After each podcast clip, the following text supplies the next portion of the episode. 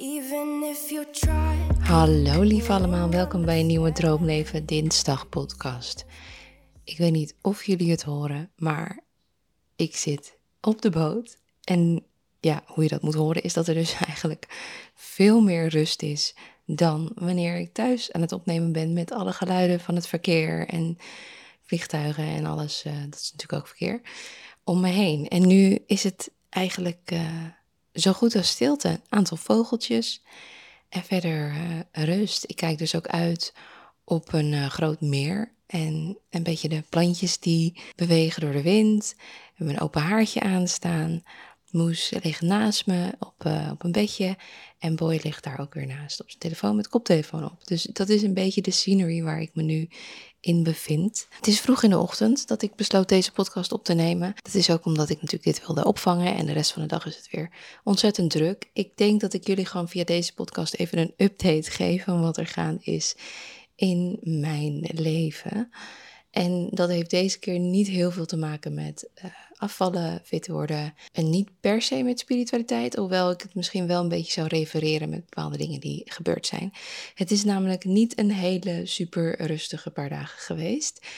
Ehm, wij zijn vorige week natuurlijk bij een bruiloft geweest in Spanje. En toen wij daar waren, was ook het moment dat onze boot vertrok vanuit Berlijn naar Nederland toe, Duitsland naar Nederland toe, met een professionele schipper die we hebben ingehuurd om dat te doen. Nou, dat is best wel een flinke som geld om eh, zo iemand jouw boot te laten vervoeren.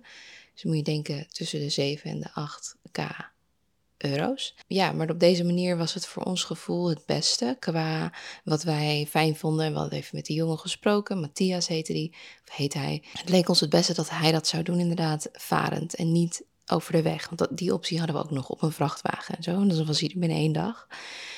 Dus uh, toen wij in Spanje waren, is hij met twee anderen op de boot vertrokken. En ze hebben ongeveer 8 à 10 uur volgens mij per dag gevaren richting Nederland. En zij zijn uiteindelijk negen of tien dagen onderweg geweest, waarvan op de ene laatste dag gingen twee mensen eraf. En dan was Matthias alleen en wij kwamen erop om één nachtje te slapen en twee dagen te varen. En hij was op dat moment, waar was hij? Ergens bij Zwolle, als ik me niet vergis. Dus hij had nog twee dagen te gaan en voor ons waren het dus twee uh, eerste dagen op de boot. Dus we hadden onze spullen ingepakt en uh, moes meegenomen. En ja, dan was het een kwestie van een beetje ervaren hoe dat is. Want ja, wij zijn echt nog ja, amateurs, hoe zeg je dat? Niet ervaren. Ik was ook heel erg blij dat we deze beslissing hadden gemaakt om het door een professionele schipper te laten doen. Toen we eenmaal op de boot zaten met sluizen en de wind. En ja, het is toch. Het is toch wel echt weer een vakgebied apart. Nu heeft Boy wel zijn vaarbewijs gehaald. Alleen ja, het is uh, natuurlijk net alsof je net je rijbewijs hebt gehaald en dan meteen in een enorme wagen de weg op gaat. Dus dit is nogal wat. In principe ging het varen verder helemaal goed. We hebben verschillende weersomstandigheden gehad van hard regen tot een supermooie regenboog, zonnig. Het was bijna volle maan. Op het moment dat deze podcast uitkomt, is het ook volle maan. Dus de dagen daarvoor was de maan bijna vol. Dus dat maanlicht was natuurlijk ook prachtig zo op het water. Um, een soort van 360 graden panorama view die we hadden. Nou, hoor ik een vliegtuig? Nee, het is een helikopter. Nou, dat, dat, dat moeten we dan. vind ik dan dus totaal niet erg dat dat dus nu even voorbij komt. Het is ook een ziekenhuis, helikopterziekenhuis, helemaal geel. Een traumahelikopter volgens mij. Oh ja, daarnaast wilde ik nog zeggen dat uh, Moes is niet zo heel erg blij met de boot. Die zag het de hele tijd volgens mij als iets tijdelijks van. Ze wilde eraf, ze wilde eraf. Ze kon niet chill plassen, het maakte herrie, het bewoog. Zij vindt sowieso alles wat onder, onder haar beweegt. Dus ook de auto vindt ze niet zo fijn. De tram vindt ze allemaal een beetje spannend. Ze houdt het wel vol, maar ze vindt het gewoon heel erg spannend. Wat ervoor zorgt dat ze gewoon gestrest is en niet slaapt en op haar hoede is de hele tijd. Dus uh, de aantal momenten om haar echt te kunnen laten slapen zijn de momenten dat ik even op de grond ga zitten en dat zij dan bij me komt liggen. Tussen mijn, eigenlijk mijn benen gaat liggen. Dus dan doe ik mijn benen wijd en dan komt ze zo in dat cirkeltje liggen. En dan heeft ze voor haar gevoel een beetje grip of zo, of houvast. En dan durft ze dus rustig de ogen te sluiten en te slapen. En dat is ook vaak in de auto zo. Als het te vol zit in de auto met allemaal spullen en het, het kraakt en weet je wel, de tassen en zo maken geluiden. Zij zit er achterin, dan vindt ze dat heel eng. Of eng, ze vindt dat gewoon moeilijk om dan te ontspannen. Ze vindt dat niet verder niet eng, want ze, she endures het, zeg maar. Ze houdt het wel uit. Maar als ik er dan bij ga liggen en mijn hand op haar doe, dan heeft ze een stabiel punt, zeg maar. En dan valt ze wel vaak in slaap. Dus dat is een beetje een uitdaging. Ik moet zeggen, we zitten nu al een paar dagen op de boot. En um, dat is niet per se super vrijwillig, want het is nog lang niet af. Er zit geen vloer in, er zit geen badkamer in, er zit geen keuken in, er zit eigenlijk niks in. Er is een wastafeltje en een wc. De wc was al werkende omdat het een biodegradable wc is, waardoor je dus midden op een meer mag dumpen. En dat biodegradable is ook uh, bedoeld om water uit het meer te halen en dat dat dan gefilterd wordt schoon genoeg om mee te douchen en je handen te wassen. Ik zou het niet drinken, maar in ieder geval hoef je dus niet bij de haven elke keer te tappen. Dus dat is het voordeel eigenlijk van deze soort boten. Dus wat ik zei, wij zitten hier niet volledig vrijwillig, omdat het natuurlijk nog niet af is. Een van de redenen is, wij kwamen aan op zaterdagavond. En um, we besloten eigenlijk gewoon nog even een nachtje door te pakken. We hebben uh, Matthias, de schipper, naar een hotel gebracht in Amsterdam. Ook allemaal natuurlijk op onze kosten. Zodat hij daar even lekker kon douchen en in een lekker bed kon slapen. In plaats van op de matrasjes hier. De matrasjes liggen wel heel goed, moet ik zeggen. Deze heb ik dus ook. Ik moest allemaal dingen aanschaffen voor Matthias. Dus die, hij had allemaal linkjes gestuurd van ik heb dit nodig en dit nodig en dit nodig. En er waren onder andere matrassen bij en wij slapen er nu dus op. Maar ze zijn echt van fantastisch. Ze zijn van Amazon. En ze zijn volgens mij 65 euro per stuk. En je kan ze opklappen tot stoeltjes, tot een tafeltje. Het is echt. Ik, ben, ja, ik dacht eerst van, nou ja, een matras, moet ik er dan daarna mee, weet je wel, als Matthias ze dan heeft gebruikt. Maar ik denk dat ik ze gewoon op de boot laat. Want we hebben wel een slaapbank voor visite. Maar dat is maar twee mensen. En misschien wilden wel meer mensen komen slapen. Hallo vrienden. dus uh, ik denk dat we ze gewoon ergens mooi uh, opbergen. Anyway, we brachten Matthias dus naar een hotel. En kwamen terug, hebben het een beetje gezellig gemaakt. En um, we gingen slapen, we waren echt kapot, we waren bek af. Dus uh, volgende ochtend wordt Boy wakker van een enorm hard soort van watergeluid. Maar dan alsof het niet dat het druppelt, maar dat het echt stroomt. En het regende niet per se heel hard. Dus we schrokken een beetje wakker. Het was echt, uh, what the hell is going on? Dus we gingen kijken en bleek dus een enorme lekkage te zijn bij de raamkant, bij de woonkamerkant, dus niet de kant waar wij sliepen. En de lekkage kwam eigenlijk uit de, van binnenuit, dus niet van buiten. Dus de, het plafond was ook nat in strepen en het kwam echt uh, heel hard naar beneden. En we hebben ook stopcontacten in de grond zitten. Dus daar was het ook helemaal vol ingestroomd. En het was echt even flink stressen, want de elektriciteit klapte er ook elke keer uit. Dus Ergens zat natuurlijk gewoon water. Dus we hebben nu alle elektra uitstaan, behalve één dingetje in de gang, waardoor het dus niet uitklapt. En daar hangt de koelkast en uh, alle elektra dingen, de boiler en zo, die hangen daaraan. Dus elke keer als we een telefoon willen opladen, dan moeten we eigenlijk naar het gangetje toe om het op te laden.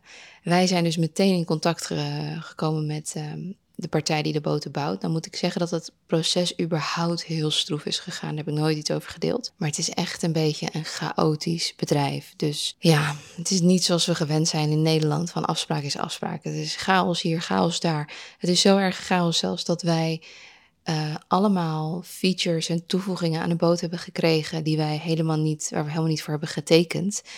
En um, ja, dat is dus aan de andere kant weer het voordeel van dus dat je met een chaotisch bedrijf uh, werkt. Dus we hebben denk ik van aan 16.000 euro aan um, ja, gratis dingen gekregen aan de boot die we helemaal niet hebben gevraagd.